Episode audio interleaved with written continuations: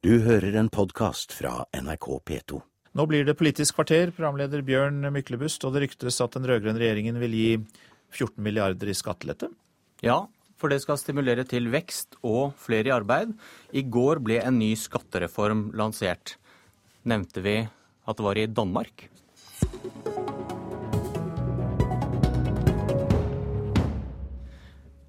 SV-leder Audun Lysbakken, hva i all verden er det dine allierte i Danmark finner på? Ja, De har eh, lansert en eh, større skattereform eh, som det er veldig mye bra i. Fordi det er en rugbrødsreform, som lederen i Sosialistisk Folkeparti har kalt det, Ville Søvndal. En reform som gir skatteletter til de som har minst. Store og betydelige skatteletter både til vanlige lønnsmottakere. De som får aller mest, er aleneforsørgere mens eh, regningen i stor grad sendes til de som har mest fra før, bl.a. gjennom eh, økt skattlegging av banknæringen. Men når, når de senker skattene med, med 14 milliarder, eller vil gjøre det, hva slags argumentasjon bruker de? Det gjør de jo ut ifra et skattenivå som er langt langt høyere enn det norske. Eh, Danmark har den nest høyeste inntektsbeskatningen i Europa. Norge er bare på niendeplass. Eh, og de gjør det ut fra en argumentasjon som vi også deler når det gjelder skatteletter for lavtlønte. Nemlig at hvis du skal bruke lavere skatt for å få fart i økonomien, noe de trenger i Danmark, ja, så er det som er mulig, det å gjøre det mer lønnsomt å jobbe for de som tjener minst. Det er jo helt motsatt av det høyresiden gjør her i Norge, der de foreslår store skatteletter til de som har mest fra før. Og det bidrar kun til én ting, nemlig mer urettferdig fordeling. Men, men, men kjøper du logikken at lavere skatt kan friste flere til å jobbe? Og da blir kaken du vil dele ut, større? For enkelte grupper så er det sånn at lavere skatt kan ha en positiv eh, effekt på økonomien. Fordi det vi vet at eh, er det en gruppe som lett lar seg påvirke av skattenivået, så er det de lavtlønte. Så de kan øke sitt arbeidstilbud hvis eh, skattene settes ned. Og Derfor så har jo vi også i Norge vært opptatt av lavere skatt for lavtlønte. Så veldig mange av elementene i den danske skattepakken er ting som SV har vært for i alle år. Ting som ligner på reformer vi har gjennomført i de årene vi har styrt Norge. Mens det høyresiden i Norge vil når de snakker om skattelette, jo for det første er eh, en senkning av statens inntektsnivå som er uforsvarlig fordi vi skal finansiere velferd framover, og for det andre skattepakker som ville føre til langt mer urettferdig fordeling i Norge. Nestleder i Høyre Jan Tore Sanner sitter og smiler. Hva er forskjellen på det SV Arbeiderpartiet gjør i Norge, og det deres søsterpartiet gjør i Danmark?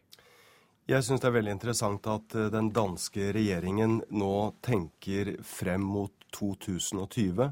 Hvordan de kan skape vekst, hvordan de kan få flere jobber i privat sektor, og hvordan de kan, hvordan de kan styrke velferden.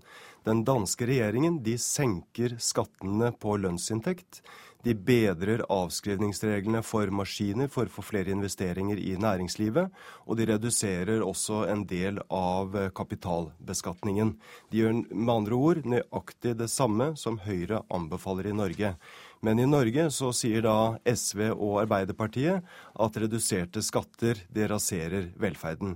Jeg registrerer jo at, uh, at det gjorde forferdelig vondt for Audun Lysbakken å måtte sitte og forsvare en rød-grønn regjering i Danmark som, som senker, senker, skattene.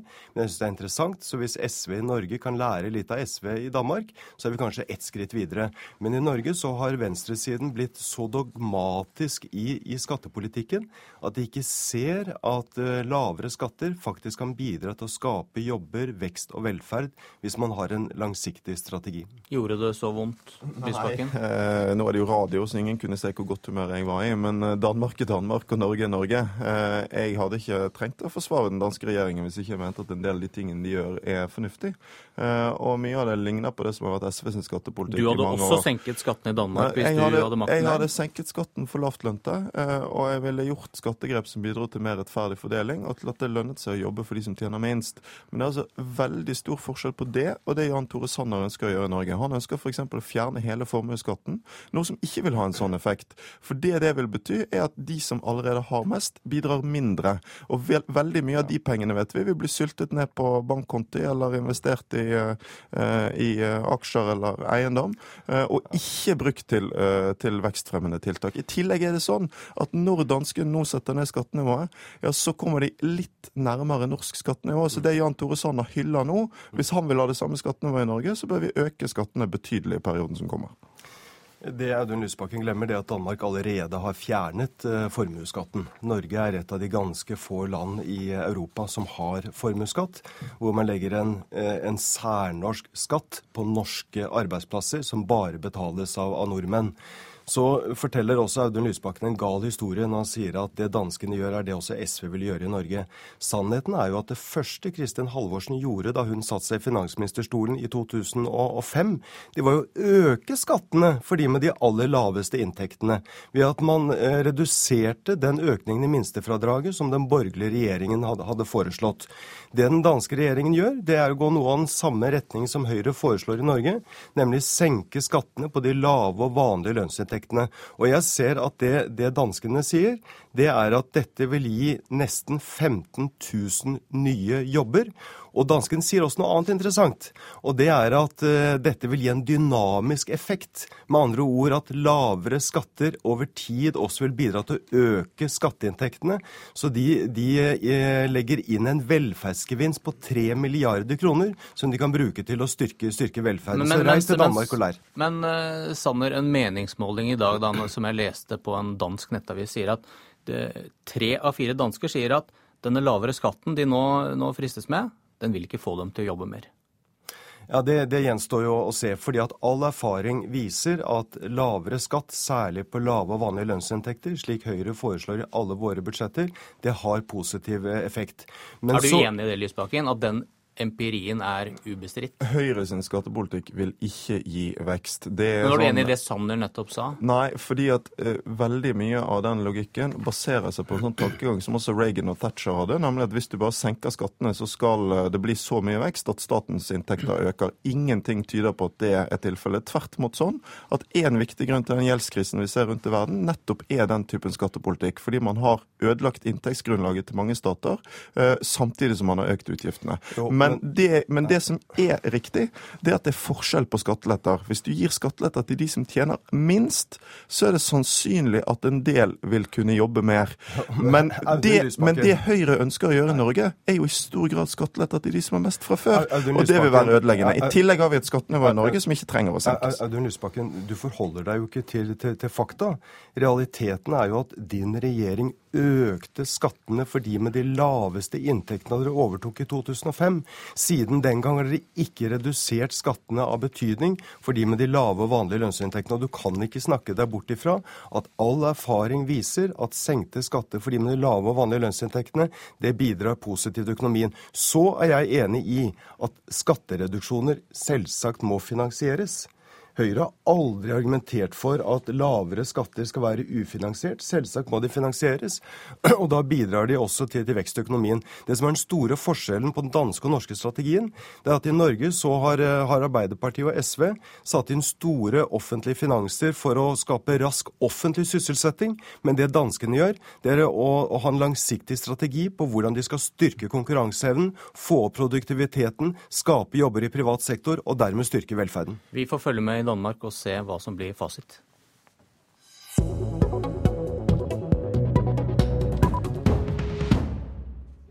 Apropos fasit. Antall uføre øker raskere enn du trodde. Arbeidsminister Hanne Bjurstrøm, hvorfor gjør det det? Altså Dette er veldig udramatiske tall, fordi dette handler om eh, noe vi, vi, vet hva som ligger bak tallene. Vi laget, har laget et nytt trygdesystem i den forstand at vi fikk noe som het arbeidsavklaringspenger fra 2010. Da gjorde man det eh, enklere for å få folk over i arbeid, men man visste at en god del av de som kom inn i den ordningen, hadde gått tidligere på det som het tidsbegrenset uførepensjon, og mange av dem er nå gått over i uførepensjon. Det som er veldig viktig å være klar over Og da blir tallene høyere? Da blir tallene høyere. Men det som er viktig å være klar over, at det er ikke slik at antallet, altså andelen av befolkningen på uførepensjon i Norge øker. Det er en liten nedgang, faktisk, hvis man tar høyde for at vi blir eldre og at vi blir flere, siden 2005. Men dere visste jo om den omleggingen, og likevel så bommer du i anslagene?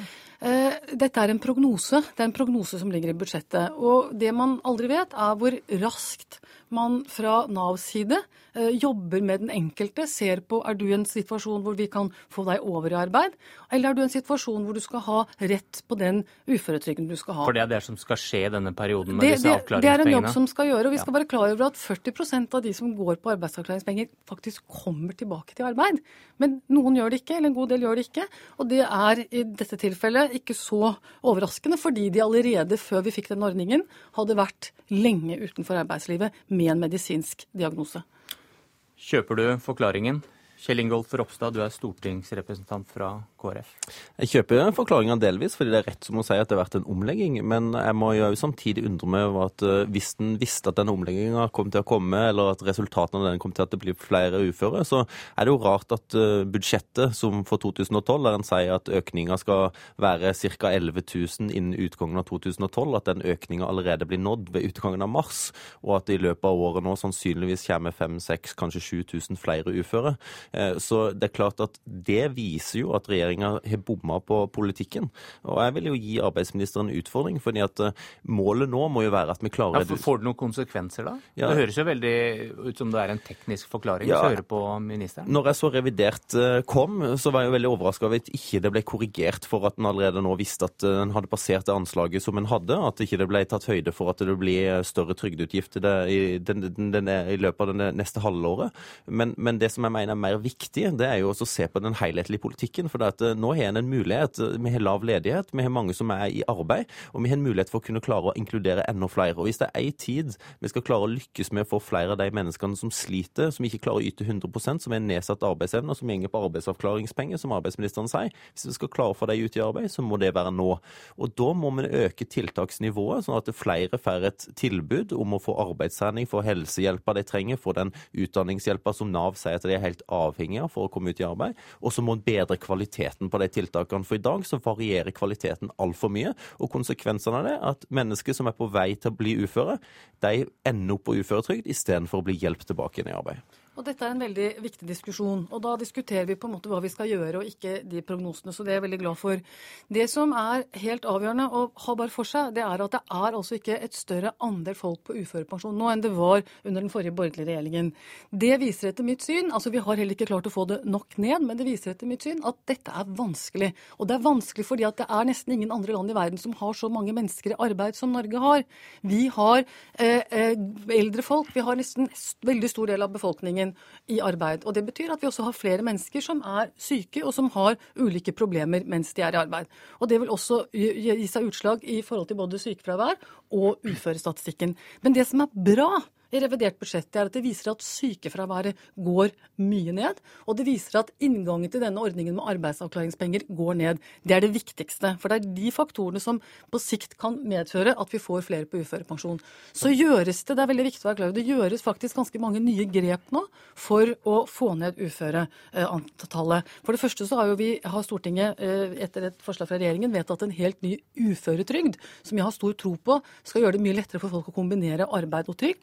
For det andre så har vi to store nye reformer eh, knyttet til eh, revidert budsjett, bl.a. det at du skal kunne bruke trygd aktivt som en type lønnstilskudd, og på den måten få, pass, altså få aktiv, aktivitet ut av passive trygdeytelser. Men, men utfordringa di det er det at det er ca. 200 000 mennesker som, som er med nedsatt arbeidsevne.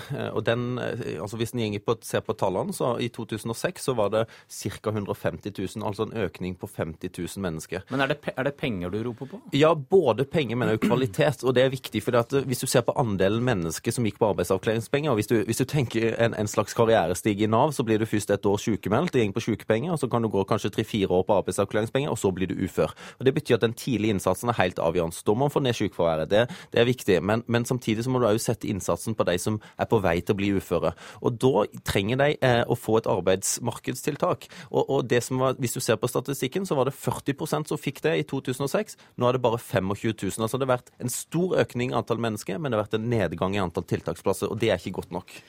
Jeg er helt enig at altså det aller viktigste er det vi gjør på sykefravær, og det ser vi lykkes. Så eh, kan man diskutere eh, om tiltakene er gode nok eller ikke. Jeg har hatt en lang diskusjon med Ropstad hele tiden om vi- tiltakene er gode nok, og, og uansett så mener jeg at man skal ha flere av de vi kanskje ikke tror er gode nok.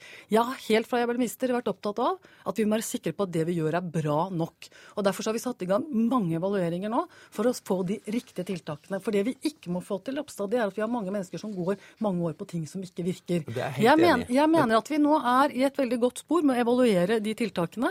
Og vi har altså et historisk høyt tiltaksnivå. Okay. Så det må vi også legge til grunn. Bjurstrøm Ropstad, takk for at dere kom til Politisk kvarter, som er slutt. Jeg heter Bjørn Myklebust.